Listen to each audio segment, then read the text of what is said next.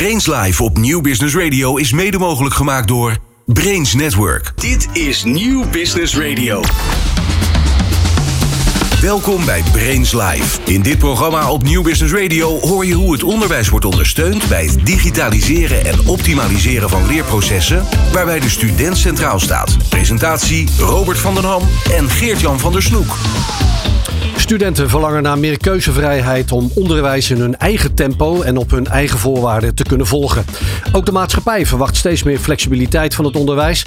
En dat zodat mensen zich tijdens hun professionele leven sneller en makkelijker kunnen om- en bijscholen. En er een betere match op de arbeidsmarkt ontstaat. Dit is Brains Live, het radioprogramma over innovatie en digitalisering in het onderwijs. Met gasten uit onderwijs en het bedrijfsleven. In deze uitzending zijn dat Hans Kremer en Peter de Haas. Hans is programmamanager, onderzoeker Integraal Skills Paspoort en docent aan de Hogeschool van Amsterdam. Peter is Partner Success Director bij Sinigo. We gaan het hebben over de impact van flexibiliseren en een leven lang ontwikkelingen, ontwikkelen op de IT van onderwijsinstellingen. Waarom is het lastig om bij flexibel onderwijs een brug te slaan tussen programmamanagement en IT? En wat heb je nodig om het goed georganiseerd en werkend te krijgen en te houden? Mijn co-host is Charles Stork van Brains Network. Mijn naam is Robert van den Ham. Luister en word wijzer, ook van deze aflevering van Brains Live. Dit is Brains Live op Nieuw Business Radio. En we beginnen in Brains Live altijd om met de studiogasten hun nieuws van deze week door te nemen. Maar in dit geval ook een nadere introductie is zeker op zijn plaats. Want Peter, allereerst bij jou, jouw rol als partner Success Director.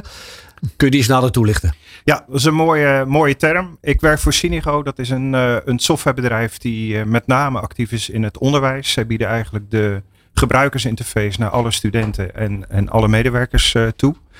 En um, voor hen ben ik bezig om te kijken hoe kunnen we dit bedrijf verder laten groeien. En wij hebben een 100% partnermodel. Dus wij werken samen met bedrijven die adviseren, implementeren en onderhouden rondom die software. En dat, dat kan beter denken we. En uh, dat ben ik aan het doen. Ja. Daar gaan we straks zeker ook op in. Uh, Hans, jij bent programmamanager onderzoeker integraal skills paspoort en docent bij de Hogeschool van Amsterdam.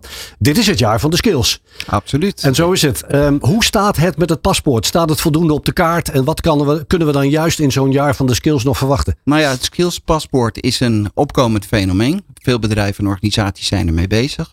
Maar het waarom is misschien goed om even te duiden. Want je zei net even bij de introductie.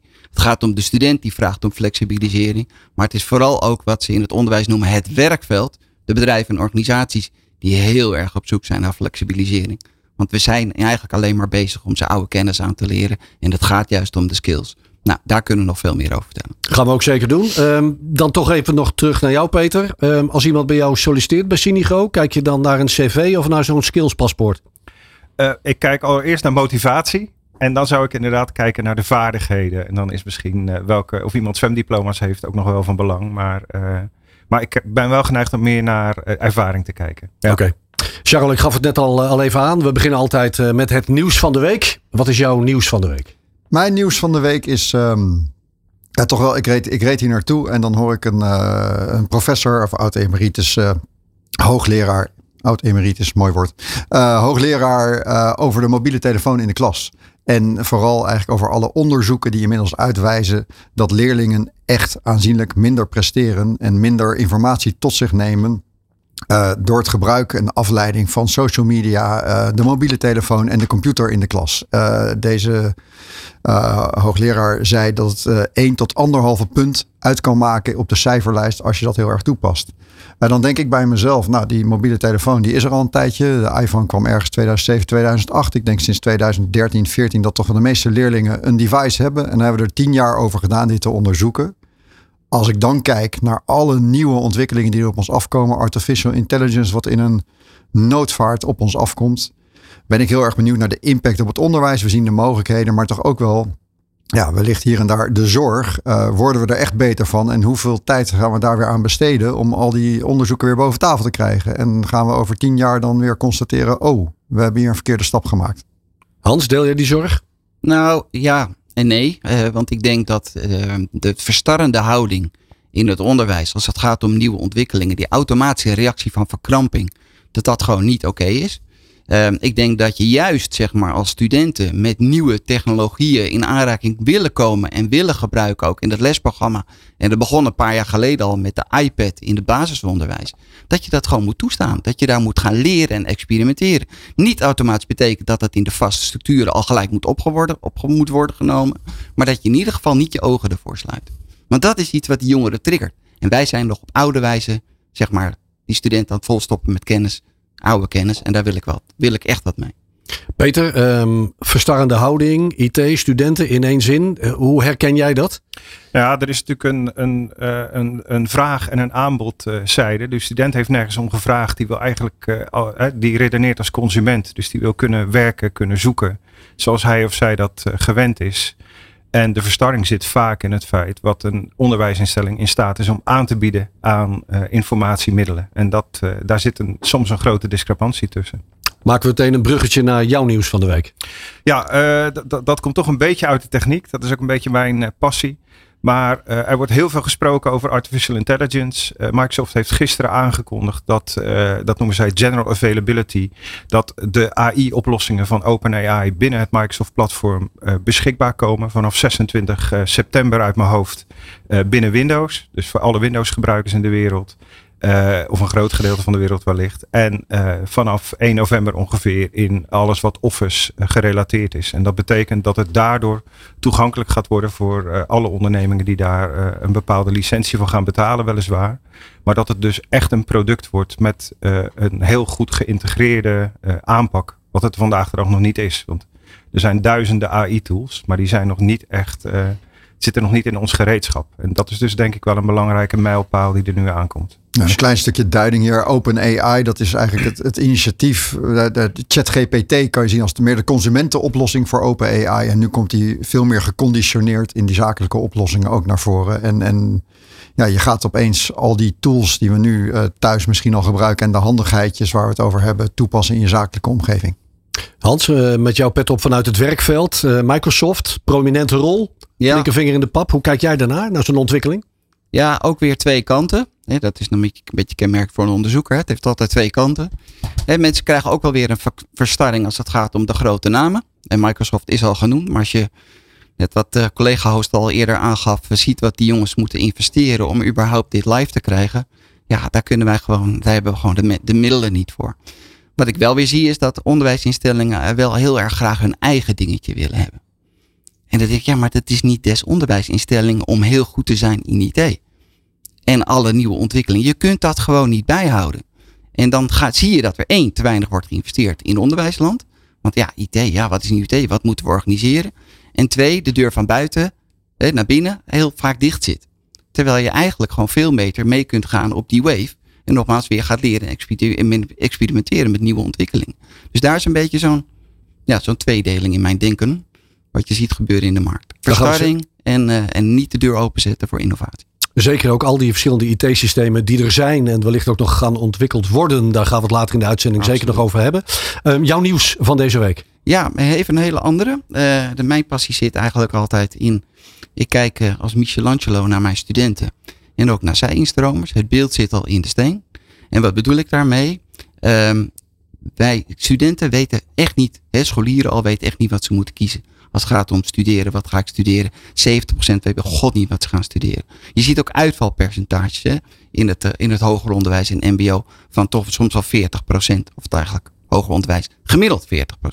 Ik was bij de decanendag gisteren. 100 decanen. En decanen, decanen moet je zeggen, dat zijn studiebegeleiders. Hè? Die weten dus wat voor mogelijkheden zijn in de markt. Kijken naar het individu. En dan proberen ze daar op de logica van het opleidingsplan te baseren. Ik stelde ze de vraag, joh, um, kennen jullie Search Engine Optimization Specialist? Nou, één stak zijn vinger op. Kennen jullie droompiloot? Nou, dat wisten een aantal wel. Weet je wat er nodig is qua skills voor een droompiloot? Ja, dat wisten ze ook niet te vertellen.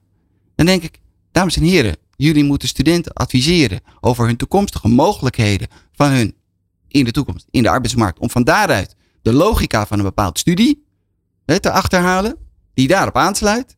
En je weet niet eens wat er qua nieuwe ontwikkelingen zijn in de markt. Ja, en dan zitten we eigenlijk met z'n allen in een soort terminal stage of seriousness. Daar ja. ook zo nog even wat over toelichten als je wil. Ja, ja. En dat soort, maar baart mij zorgen. Hoe ga je dan naar huis? Um, nog meer eager om dat skillspaspoort van de grond te krijgen. Want dat is juist de bedoeling. Dat we daarmee bij de student al heel vroeg, bij de scholier liefst al, het beeld uit die steen halen, à la Michelangelo. En dan onder het motto waar je goed in bent, vind je leuk. En wat je leuk vindt, wil je beter in worden. Aanknopingspunten te geven met één of twee functies in het werkveld. We hebben nu 2238 opleidingen in het hoger onderwijs, hè, universitair HBO bij elkaar. We hebben duizend opleidingen in het MBO. We hebben een veelvoud aan functies, waarvan de studenten, scholieren het bestaan niet afweten. En dan toch zeggen we, joh, kies maar. Je krijgt toch ook geen 100 hypotheekoffertes als je een hypotheekgesprek aangaat. Dus wij gaan met het skillspaspoort twee dingen doen. Eigenlijk drie. Eén, het beeld uit steen halen. Waar ligt nou jouw aanleg? Twee, hoe zie je de combinatie in het werkveld? En kies er dus één à twee uit waar je bovengemiddeld aanknopingspunten mee hebt. Ga dat eens onderzoeken. En drie, maak dan een planning voor je studie. En die zou modulair van opbouw moeten zijn. Waarvan akte. Je luistert naar Brains Live over de impact van flexibiliseren en levenlange ontwikkelingen op de IT van onderwijsinstellingen. Brains Live op Nieuw Business Radio. Wat is de staat van flexibel onderwijs in Nederland? Welke factoren spelen een rol en wat zijn daarin de grootste uitdagingen? We gaan het erover hebben met Hans Kremer, programmamanager Integraal Skills Paspoort en docent bij de Vrije Universiteit Amsterdam. En met Peter de Haas. Hij is Partner Success Director bij Sinigo. Hans, uh, allereerst even de breedte in. Jouw mening over de staat van flexibel, flexibel onderwijs anno nu? Um, dus er is een versnellingsplan uh, eigenlijk al vier jaar gaande. Dat noemen ze, dat is een samenwerking met hbo-instellingen en uh, universiteiten. Die al nadenken over hoe ga je flexibilisering nu vormgeven. En die hebben daar echt uitgebreide verkenningen over gedaan. Van hoe moet je dat nou vormgeven. En natuurlijk vanuit de rationale werkveld is er nou op zoek. Student wil meer flexibilisering.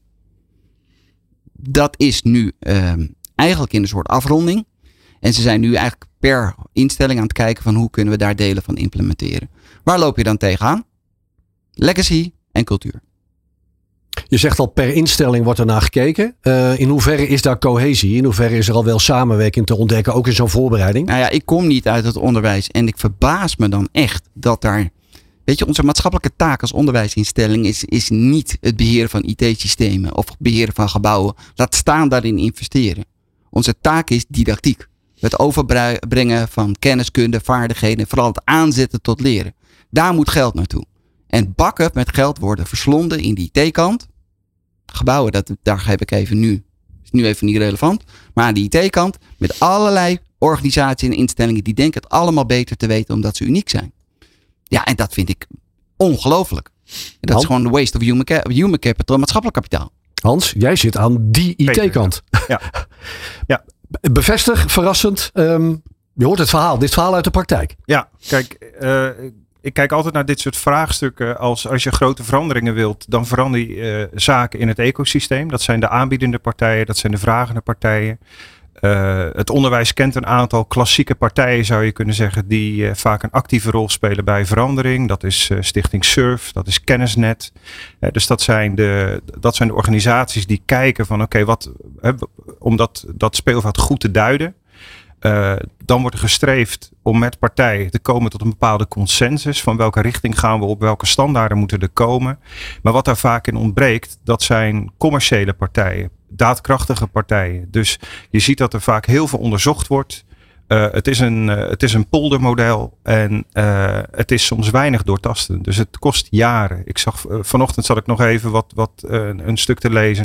De overheid heeft een, een, een pilot gedaan. En de overheid is natuurlijk gewoon vooral geïnteresseerd in mijn optiek in ja, dit moet bekostigd worden. Uiteindelijk hebben we een bekostigingssysteem. Hoe hebben we nu aan het eind van de rit, flexibilisering of niet, de garantie dat een student ook opgeleid is en een accreditatie heeft? Dus je merkt dat, dat alle partijen ook weer sturen op de dingen die ze uh, uh, willen of kunnen beïnvloeden. Dus de verandering in het ecosysteem, dat, is, dat, dat duurt gewoon ontzettend lang. En um, ja, dat, dat is denk ik het frustrerende voor alle partijen die daaromheen dansen. Ja. Charles, jij zit vanuit Brains Network ook in een, een, een, enorm aantal overlegorganen. Waarbij het ook gaat om, nou jongens, niet alleen uh, inventariseren. Maar laten we ook eens daadkracht tonen om het daadwerkelijk uit te gaan voeren. Hier ook toch ook twee keer zeggen, het duurt allemaal heel erg lang. Er ja, zijn... ik zit, het is jammer dat radio is. Ik zit met een grote glimlach uh, vooral naar, naar de stelligheid van Hans. Die natuurlijk in dat onderwijs zit uh, te luisteren. En dat is iets, ik, ik, ik loop sinds 2003 mee. Inderdaad, veel overlegorganen. Uh, vanuit onze positie als partner van de school is het soms wel eens moeilijk natuurlijk om zo stellig daar naar binnen te komen. Maar uh, wij zien vooral vanuit aan de ene kant de technologiekant, aan de andere kant die onderwijskant. Er is zoveel mogelijk met standaardiseren en uh, dat je je eigen identiteit hebt, dat je je eigen opleidingsaanbod hebt, dat je je eigen functie in de regio hebt of misschien in de maatschappij. Dat is één. Maar laten we alsjeblieft met z'n allen die achterkant allemaal hetzelfde gaan zien. Want het is allemaal niet zo ingewikkeld. Aan de ene kant qua systemen, aan de andere kant zeg ik ook altijd. Uh, grote universiteiten, grote MBO's. Als je kijkt naar de aantallen studenten en medewerkers dat zij faciliteren. Er zijn weinig bedrijven in Nederland zo groot. Dus er zitten wel eens degelijk IT-uitdagingen maar uh, het onderwijs is heel goed te standaardiseren. Al is het maar vanwege alle regelgeving eromheen vanuit de overheid. Die uitdaging waar, waar Charlotte het over hebt, hè, en dan hebben we het vooral over de achterkant daarvan. Is dat uitdaging nummer één ook voor jou? Ja, nou kijk, eh, ik zie een paar dingen. Hè? Want als je bijvoorbeeld refereert naar grote organisatie. Ja, ook de HVA is een enorm grote organisatie. 50.000 studenten. ROC, Amsterdam, uh, andere universiteiten mega groot. Ook door diverse consolidaties. Nou heb je ook een legacy punt hè, van samenvoeging van oude systemen. Maar het gaat ook van hoe zet je het op de kaart. Mij viel bijvoorbeeld op, als je, ik kom uit de business. Waarom hebben wij geen CIO in de board zitten? Hebben we niet. Daar zitten professoren en mensen die of uit de politiek afkomstig zijn of wat dan ook. En die zijn heel goed in het doordenken. En het moet helemaal robuust en heel goed zijn. En die denken, oh ja, we moeten ook IT doen. En dan zie je gewoon dat daar veel te veel geld down the drain gaat. Doordat we niet in samenwerking, publiek-privaat, samen mooie dingen gaan doen.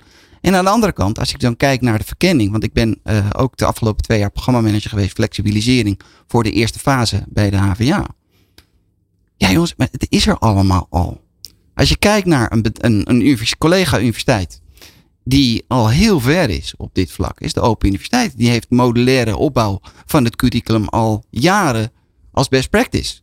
En die maakt nu ook stappen die heel dicht gaan tegen de stappen die wij als onderwijsinstellingen zetten.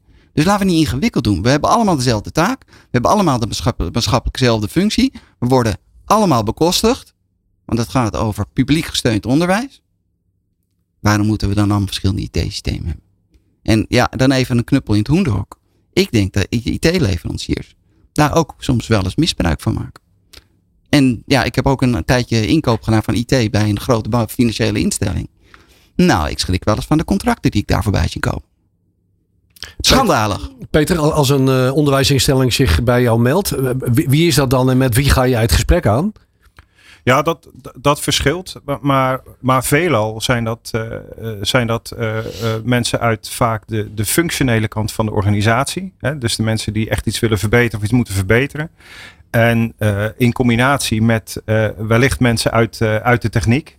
Maar, maar veelal zijn dat de mensen uit de functionele kant. Dus programmamanagers en soms hoofden IT, maar wel vaak die, ja, die insteek. En een CIO, waar Hans het ook over hebt, die heb jij nog niet aan tafel gehad. Ja, het onderwijs kent die titel niet echt. Nee, precies, je hebt wel een soort eindverantwoordelijke voor ja. IT. Maar ja. ja. of die wel of niet deel uitmaakt van echt de, de besluitvorming. Dus echte invloed heeft. Dat is. Uh, ik denk dat zij natuurlijk wel deze mensen in die functies hun moments of fame hebben gehad uh, tijdens de coronacrisis.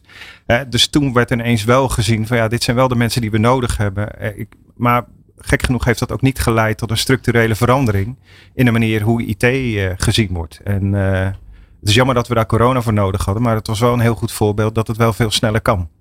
Hans gebruikte de term al knuppel, hoenderhok, et cetera, wat daarbij hoort. En dus ook dat misbruik van. Um, herken jij dat? Ja, Retorisch bijna? Ja, ik, ik, zie, ik zie twee, uh, uh, twee dingen daar. Ik denk dat er onmiskenbaar heel veel organisaties zijn in IT-land die baat hebben bij complexiteit en de instandhouding daarvan. Ook mensen binnen onderwijsinstellingen ontlenen hun toegevoegde waarde aan de kennis op die complexiteit. En ik denk de tweede, wat je natuurlijk niet moet vergeten, uh, grote, vaak internationale IT-aanbieders, softwareaanbieders, uh, zijn hun tijd ver vooruit ten opzichte van waar een onderwijsinstelling staat. Dus zij, zij zijn echt bezig met een technology push. Zij vinden dat wij dat moeten doen en, uh, en dat dat goed voor je is. Maar ja, de, de, de, snelheid van de adoptie binnen een onderwijsinstelling bijvoorbeeld, ja, die, die gaat gewoon veel trager. Dus, de, dus daar zit een discrepantie. En uh, ja, dat, dat breekt zich denk ik soms. Charles, herken je dit? Ja, Wij, wij, wij, wij zien het ook. Uh, ik zie ook een andere kant van het verhaal. Ik zie uh, de grote techbedrijven heel snel gaan nu. Uh, die grote techbedrijven die verdienen natuurlijk hun geld in de grootzakelijke markt die veel sneller uh, beweegt dan het onderwijs. Dus zij, moeten ook snel gaan in de concurrentieslag met elkaar. En waar ik dan toch naar het onderwijs kijk, is dat ik, ik ben het eens met Hans, de functie CIO ontbreekt. Ik denk dat doorkijkje naar de toekomst op dit gebied is er vaak minder aanwezig. Als ouder zeg ik ook wel eens, mijn ouderbelang is veel meer dat mijn kind slaagt onder de huidige normen en niet onder wat er in de toekomst gaat gebeuren. Maar daardoor krijg je wel een heel groot verschil nu in het tempo waarin onderwijsinstellingen beweegt, waarin zij in staat zijn nieuwe technologie nou, te implementeren, te, te integreren en te gaan gebruiken. Versus het tempo van de markt, van de consument.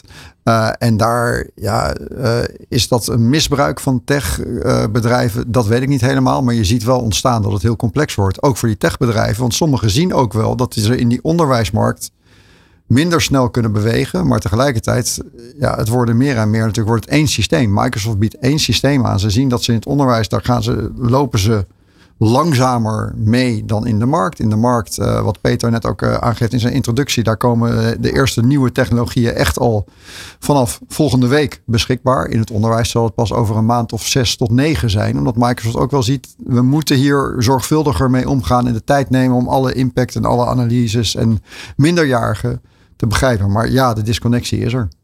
Ik wil IT en tech even parkeren. Komen we later in de uitzending zeker nog op terug. Maar ik wil even terug naar eh, het flexibiliseren in het algemeen. Nut en noodzaak op dit moment voor studenten. En ook hier wordt al jarenlang onderzoek gedaan. En uh, organiseren links en rechts allerlei onderwijsinstellingen uiteenlopende uh, initiatieven.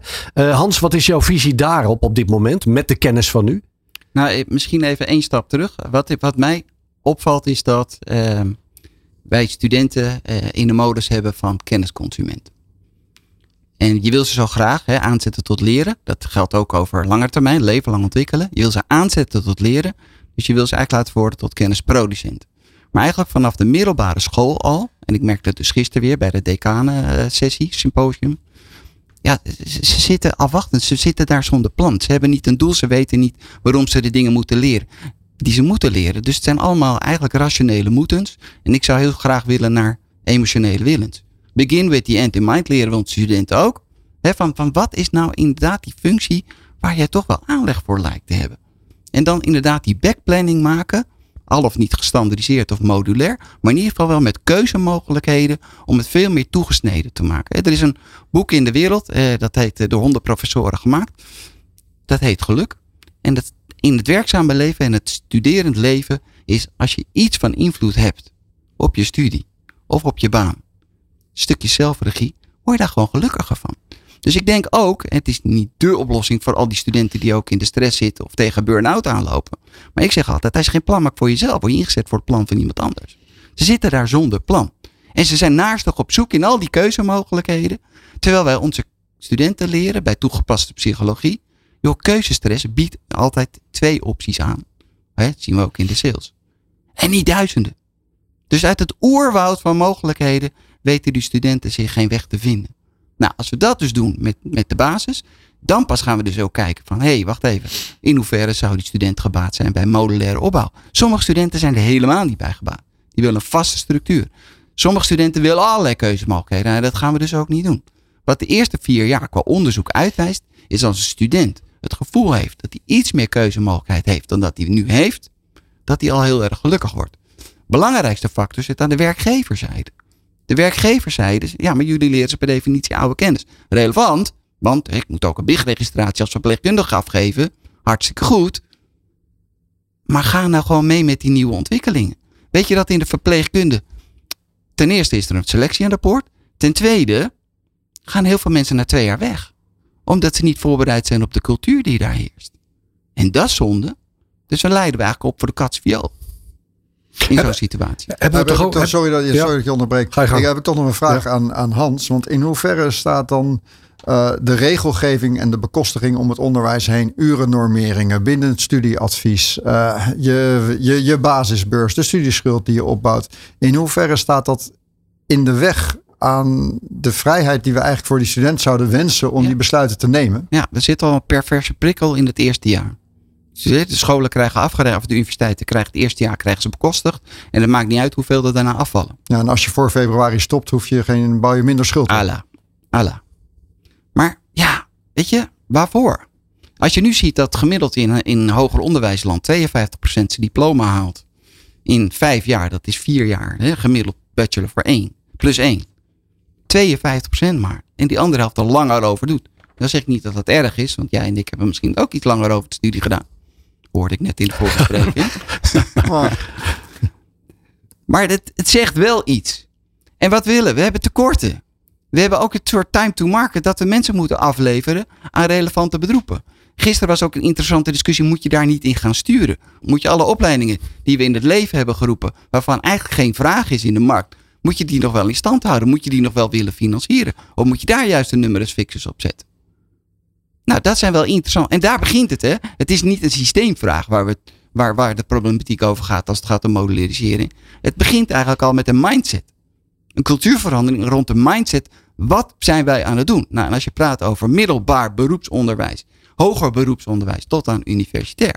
Ja, we leiden toch op voor het werkveld. Maar we zijn een beetje het werkveld uit het oog verloren, is mijn stelling. Als je hem even heel dichtbij haalt, uh, jouw Hogeschool van Amsterdam en flexibilisering en de discussies die je daar moet voeren. Ja. Is dat één op één wat je ons nu vertelt in deze uitzending? Zijn dit de discussies die je daar ook nee, hebt? Nee, ik praat met heel veel hogescholen. Hè. Dus Ja. dat is de Hogeschool Arnhem-Nijmegen, eh, Avans en noem maar op. En ze zijn allemaal heel gemotiveerd bezig. Ja. Hè, zo Avans, daar zit ook, daar zit een CIO by the way. En als je die man spreekt, dan yes, hè, dat is hem hè. En de anderen die lopen daar wat achter. Dus het is een gemiddeld beeld van de worsteling die onderwijsinstellingen hebben in het MBO, HBO. Dat is even mijn scope. Beetje universitair. Die ze hebben als het gaat om IT en modularisering en werkveld, et cetera. En dat is een, inderdaad een veelkoppig monster. Die juist daardoor complex wordt gemaakt. Want dan zeggen we ja, de de onderwijsinstelling vereist wel een transformatie. Nou, dat is een net woord om te zeggen, nou, we zetten het maar even in de koelkast. Want het Ja, is te groot, het is te wat- complex. Want waar op enig moment natuurlijk behoefte aan bestaat, is enige bewijslast. Want Ja. we praten er al heel lang over, over flexibilisering. Er gebeurt ook het nodige Ja. bij veel onderwijsinstellingen. Maar die bewijslast? Nou, Open Universiteit, wat ik al aangaf. Ik, eh, daar zit een Ronald Ettema. Die man die geeft ook les in een, alles rond IT eh, en, en, en is daar de, de, de, de IT-architect. Ja, als je ziet wat ze daar aan het doen zijn. Ja, schaalt dat gewoon op op, op, op Nederlands niveau. En we zijn allemaal uit de brand. Ja, oh ja, maar je hebt bestaande contracten. Oh ja, je hebt aanbestedingen per hogeschool. Ah ja, maar we hebben zoveel geïnvesteerd, kunnen we niet zomaar afscheid van nemen. En dan zeg ik, ja, why not? Waarom niet? Maar goed, ju- juist bij die open, eh, open universiteit, waar het van oudsher ook gaat om maximale vrijheid voor de studenten, Ja. daar draait het om. Mhm. Daar blijkt uit onderzoek toch ook dat die eigenlijk veel beter vaart bij wat meer structuur. Ja, nou, ik ben fan van Miriam Montessori. Vrijheid in gebondenheid en laat me het verder zelf doen. En dat is eigenlijk het antwoord. Dus het is en en. Juist, eh, nou, we hadden het eh, ook al eens even over combinatorisch innoveren. Alles is er al. We moeten alleen slimme combinaties maken. Charles, die bewijslast, hè, waar natuurlijk hè, steeds ook meer behoefte aan bestaat. Want we doen allerlei onderzoeken, maar uiteindelijk moeten er ook resultaten zichtbaar zijn. Hebben we daar al drie, vier, vijf voorbeelden van? Vind ik, vind ik een, eh, een goede vraag. En ik, ik denk ook dat we, ja, als we alles altijd maar willen bewijzen, blijven we ook op onze plek staan. En, en daar, daar zie ik wel een groot, een groot risico. Eh, ik, ik, ik blijf er elke keer ook wel een beetje met mijn ouderpet naar kijken. Want je maakt je ook zorgen over soms het tempo waarin het gaat. Waarin kinderen nieuwe dingen adopteren die op school nog niet geboden wordt. Maar eh, als we alles eerst willen bewijzen, dat, dat, dat zien wij als bedrijf heel erg nu. hè. Eh, het wordt aanbestedingen. Ik denk dat ook Peter heel erg in. We zitten in die aanbestedingsmarkt. En wij zien heel erg dat heel veel onderwijsinstellingen vooral nog aan het uitvragen zijn wat ze gisteren gebruikten. Ja. Om dat de komende zes, zeven jaar, want zo'n aanbesteding dat duurt vaak lang, weer te gaan gebruiken. Omdat we de bewijslast nog niet hebben. En dan, en, of omdat we nog niet helemaal weten wat er aankomt. En dat vind ik wel gevaarlijk eigenlijk. eh. Ja, we willen daar wel op reageren, want dat, dat heeft ook iets te maken met cultural change. En je ziet het bedrijfsleven, zie je dat die gewend is om vooral niet, hè, we hebben het straks ook over programmamanagement, te innoveren in de operatie zelf. Ze maken van die aanbestedingen en al die denkprocessen maken ze allemaal papieren tijgers. Inderdaad, het gaat eerder over kijken naar gisteren en verbeteren wat we hebben in plaats van radicaal innoveren. Mijn stelling is altijd, ga nou eens een keertje leren van de automotive industrie, die al jaren gewend is aan prototyping. En leren en experimenteren buiten het bestaande proces. Flexibilisering en studenten, daar hebben we het onder andere over. En dan ook natuurlijk ook de relatie met de IT-tech. Um, als we kijken naar, je hebt het net over die decanen. De docenten. Ja. En flexibilisering. Ja. Nou, misschien moeten we even een balans opmaken van de gemiddelde leeftijd van docenten. Uh, uh, gemiddeld toch wel 45 plus, toch heel vaak. En ik heb uh, heel veel geleerd van mijn grote leermeester, professor Paul Iske. Die heeft een keer onderzoek gedaan naar de terminal stage of seriousness. Dat is kinderen van 5 vergelijken met 45-plussers. En een kind van 5 denkt oorspronkelijk. Denkt vernieuwend. No boundaries. Maar ook lateraal. Kan lateraal denken. Het schijnbaar onverenigbaar met elkaar combineren, waardoor het tot leuke uitspraken komt. Net als een comedian. Ziet Kaandorp en noem maar op. Er is nog maar 3% over, heeft hij onderzocht, van dat lateraal denkende kind als je 45 plus bent. En dat is wel het gemiddelde management en ook het gemiddelde leeftijd van docenten. Die vinden het dus heel lastig om af te wijken van het bestaande, want ze waren zo heerlijk gewend om alles lekker kennis over te brengen. Maar dat is het niet meer. En daarom zie je ook, hè, dit is een beetje een negatief verhaal, er zijn heel veel docenten die de slag nu maken naar werkend leren, naar living labs, naar design thinking, naar et Aan de andere kant heb je gewoon echt uitgesproken vakdocenten nodig, die gewoon ook even moeten stilstaan bij de oude kennis. Want dat is combineren. Combineren is het nieuwe met het oude combineren. En dan kom je tot echt de aanzet tot leren bij de betreffende student. En dan wordt het ook leuk. Dan zie je ook die twinkeling in die ogen bij de student. Shit, hé, ja, grappig, ik heb wat geleerd. Dit is Brains Live op Nieuw Business Radio. En wij zoomen in op de brug tussen programmamanagement en IT. Wat moeten onderwijsinstellingen doen om die brug succesvol te bouwen? Welke methodes, tools en best practices zijn daarvoor beschikbaar? Peter de Haas, Partner Success Director bij Sinigo. Peter, als ik jou zeg innovatie gaat snel, maar adoptie gaat traag. Is dat een tegeltje die bij jouw bedrijf eh, aan de muur hangt? Ja, nou, het is meer een, uh, dat is een enorme open deur, denk ik. Hè? Precies. Dat, dat, dat, is denk ik voor een deel zo. Maar tegelijkertijd denk ik dat het wel uh, uh, ook aan de organisatie zelf is en aan de instanties zelf is. Om te kijken hoe ze kunnen versnellen. En we hadden natuurlijk in het, in het voorgaande stuk met name ook over het feit dat je, dat je dingen van het bedrijfsleven kunt, kunt leren. En natuurlijk hebben we in onderwijs te maken met een manier om dat te bekostigen. Dat is ook niet iets wat we zomaar kunnen veranderen. Maar als je kijkt naar bedrijfsleven is het heel simpel. Als je je als bedrijf niet weet aan te passen aan de vraag uit de markt en aan de vraag van je klanten, dan ga je failliet. Dus dat creëert een bepaalde urgentie bij commerciële bedrijven om te zorgen dat zij hun IT-middelen en, en hun zaakjes ook op een andere manier voor elkaar hebben. Hoe kan ik sneller inspelen op de vraag? Veel organisaties zijn daar niet altijd toe in staat, gaan alsnog failliet. Of implementeren hele ingewikkelde systemen zoals SAP of wat dan ook. En daar kun je ook failliet van gaan als je dat niet op een goede manier uh, inricht. Maar gemiddeld genomen is daar dus een, een, een hele andere drive. En ik wil niet zeggen onderwijsinstellingen doen zoals het bedrijfsleven. Maar ik zou wel kunnen zeggen, kijk eens naar organisaties die zich wel weten aan te passen en die zich wel opnieuw weten uit te vinden. En dat, ja, dat, dat zie je denk ik wel bij heel veel organisaties die gewoon moeten. En, uh, en dat dus ook doen. En dan kun je ook iets leren van de manier waarop zij met IT en met programma's en met verandering omgaan. Want we hadden het er net al even over, hè? De, de, de kennis van onderwijsinstellingen hierover. Onderwijsinstellingen die zich ook uh, bij jouw bedrijf melden om, om samen te werken. Als, als we dat op een, op een niveau van 1 tot 10, hè, laten we dat cijfermatig eens aanpakken, uh, zouden moeten inschatten. Wat geef je dan voor cijfer? Met, over die kennis? Ja, zeker als het gaat om de nieuwe dingen zou ik zeggen een uh, 6 plus. Oké, okay, dat is ja. nog net een voldoende. Ja, ja, ja. maar is de komma in jouw zin? Nou, maar het, het, het gaat natuurlijk gewoon om het feit dat je natuurlijk ziet dat er vinden heel veel onderzoeken plaats, er vinden heel veel pilots plaats.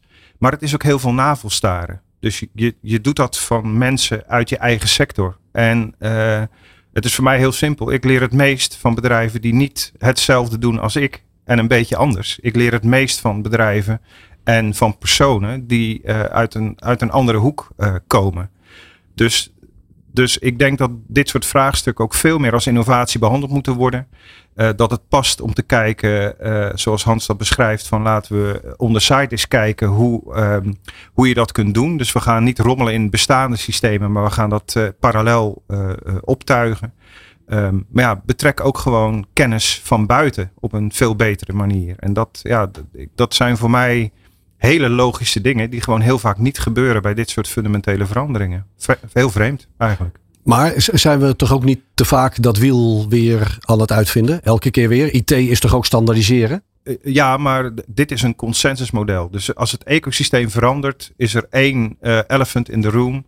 En dat is aan de hand van welke open standaarden gaan wij onze informatie ontsluiten, gaan we koppelen, noem maar op.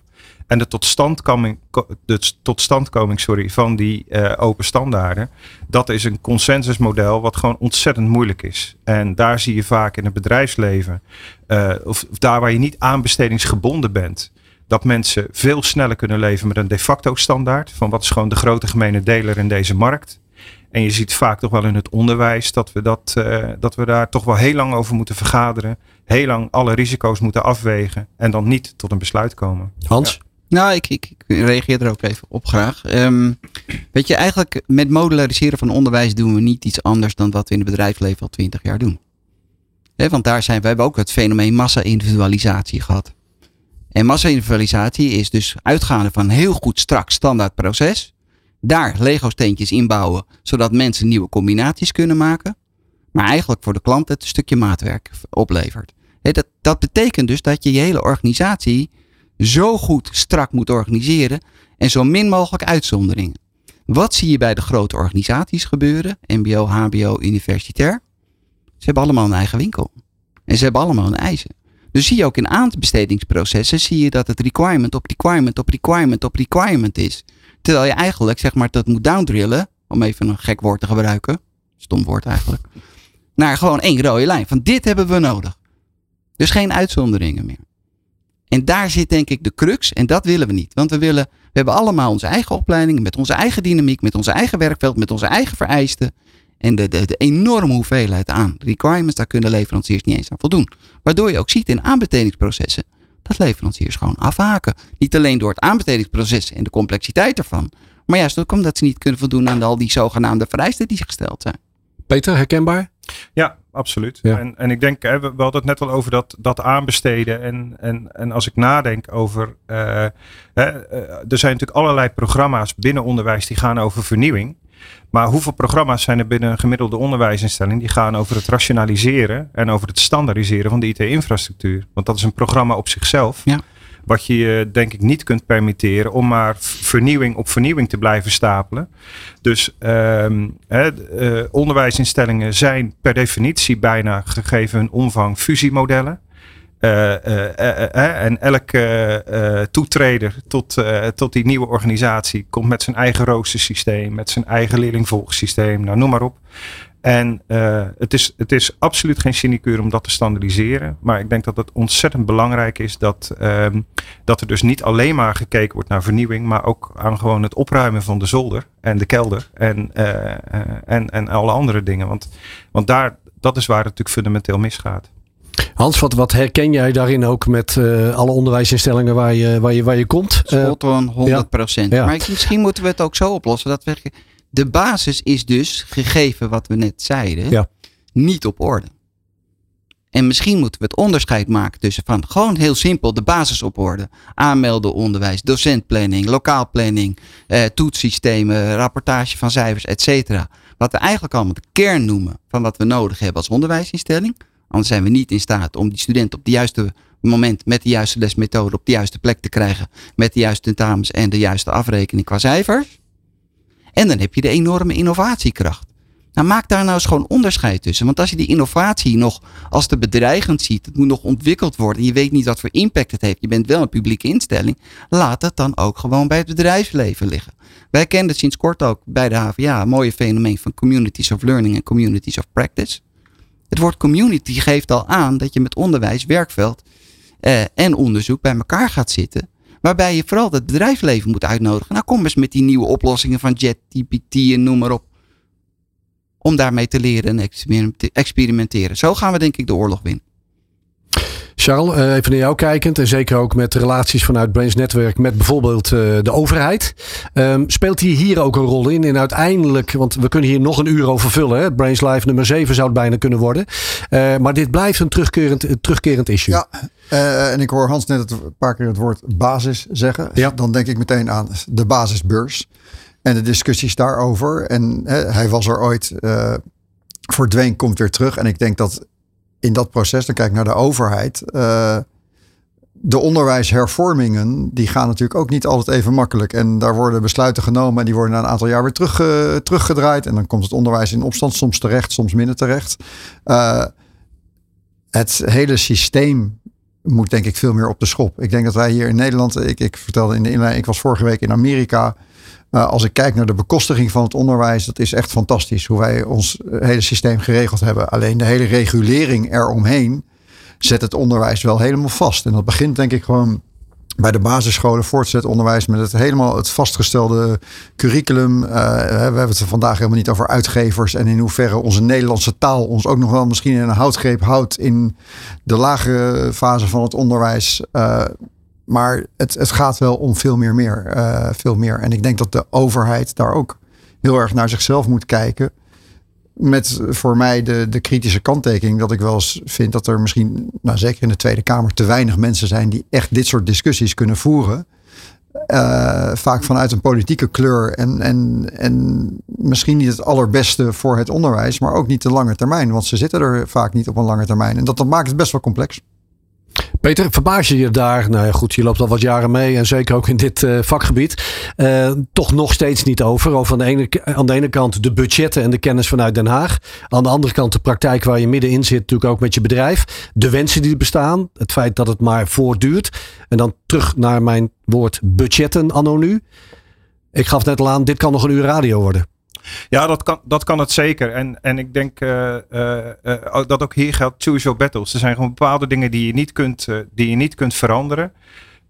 maar wat, wij nog, wat mij nog altijd motiveert, zeker ook in onderwijs, is dat er binnen alle muren die er omheen staan, zeg maar, dat je nog steeds heel goed kunt optimaliseren. Dus wat ik net zei, gewoon het feit dat je IT kunt rationaliseren, dat, dat, dat betekent voor mij niet dat dat kostenneutraal kan. Maar als ik, hè, ik heb heel veel projecten gedaan in het onderwijs, kan ik je vertellen. Uh, daar waren uh, opslagsystemen, hè, dus gewoon harddisks in de kelder van grote onderwijsinstellingen. Vanuit een aanbesteding van zeven jaar, wat gewoon tonnen, zo niet miljoenen kostte.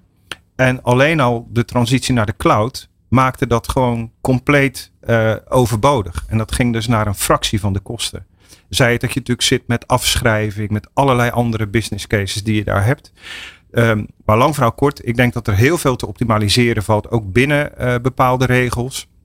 Maar ik denk wel dat uh, het voorstel wat, wat, wat Hans net doet, tenminste ik weet niet of ik het een voorstel mag noemen, maar door te zeggen, door meer te werken vanuit die communities, door de juiste partijen te betrekken, dat je dus ook al heel veel kunt verbeteren en innoveren binnen uh, de bestaande bekostiging en binnen bestaande budgetten. Hans?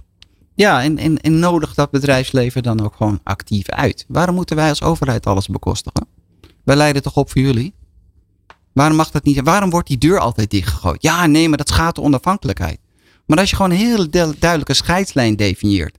Van dit is de basis op orde. Dat moeten wij regelen. Dat is de dissatisfier voor de student. Want als je dat shit regelt, worden ze ontevreden. En aan de andere kant nogmaals weer met die communities. Ik denk dat dat wel het woord van de toekomst is. Bedrijfsleven uitnodigen en lekker met die studenten aan de slag gaan. Zodat die leraar, docent ook nog eens wat leert. Ik leer elke dag hè. Dan heb je volgens mij winst te pakken. En het bedrijfsleven, ja, die, kunnen van daaruit ook gewoon veel meer kennis maken met die student.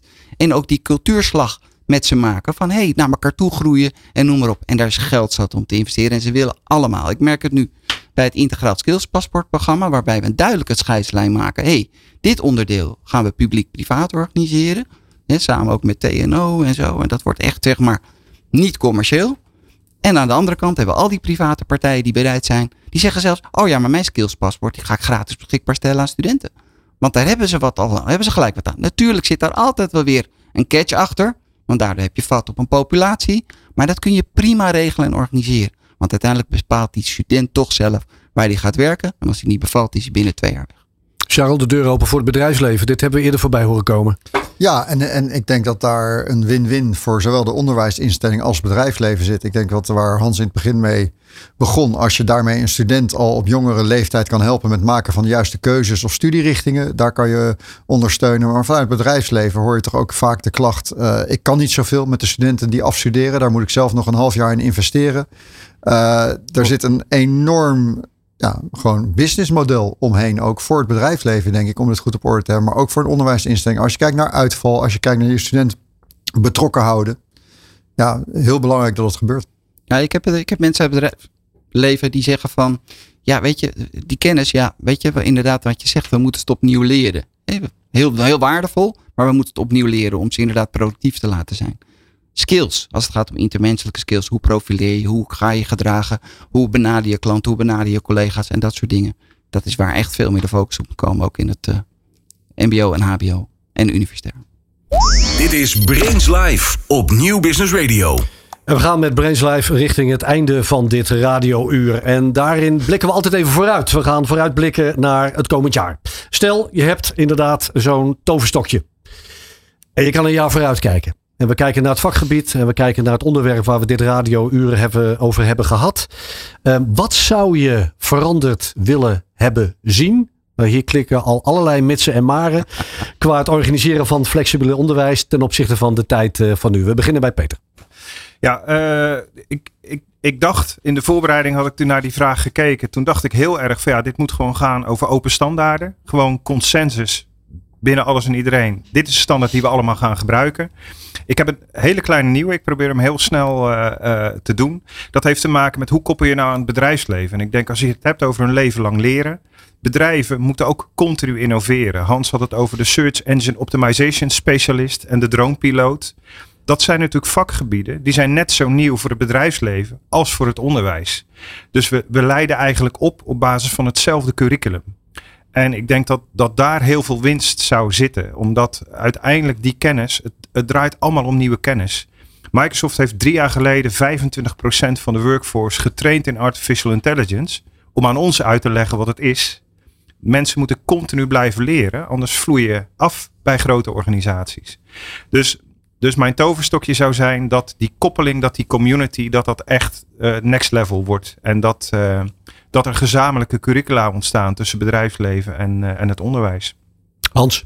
Ik uh, maak er liever een uh, dirigentenstokje van. Als Kijk, je het goed vindt. Ja hoor. 20 november, dan uh, presenteren wij ons integraal skillspaspoort. Wat we samen met zo'n meer dan 100 arbeidsmarktpartijen in de stijgers hebben gezet.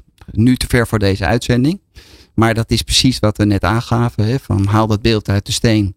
aansluiten met functies. En maak van daaruit een opleidingsplan al of niet, zeg maar voltijds, deeltijds, mo uh, modulair, et cetera. Uh, dat heeft een aantal facetten en dat gaat enorm helpen in het aanzetten tot leren. En uh, daar geloof ik heilig in. 2024, EU-jaar van de skills was dit jaar. Volgend jaar is daadwerkelijk het waarmaken. En er hoort een hele goede, robuuste basisstructuur bij. En laat de rest vooral over aan het bedrijfsleven, joh. Charles, in deze laatste uitzending van Brains Live van jou ook het laatste woord.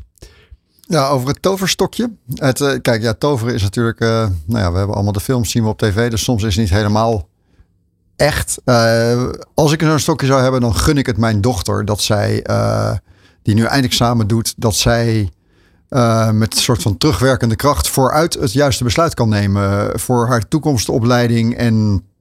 en dat zij daarmee misschien ook, nou, zij is goed gemotiveerd, maar anders gemotiveerd in het leven staat en anders naar de toekomst kijkt dan waar er nu nou, toch ook door haar uh, nou, veel, veel afwegingen, keuzes zijn waar je enorm bij moet helpen. En er zit een goede motivatie in. Maar ik denk dat de jeugd van tegenwoordig zo kunnen helpen met het helpen van keuzes. Betere motivatie, minder uitval tijdens de opleiding. En daarmee uh, een betere toekomst voor ons als land ook. En dit was hem, de zesde en laatste aflevering van Brains Live. Dank aan Hans Kremer en Peter de Haas voor hun komst naar de studio. Dank aan gastheer Charles Stork van Brains Network. Deze uitzending van Brains Live is terug te luisteren via de website van Nieuw Business Radio. En natuurlijk ook via de welbekende podcastkanalen. Vanaf het Mediapark in Hilversum wens ik u een fijne, flexibele dag.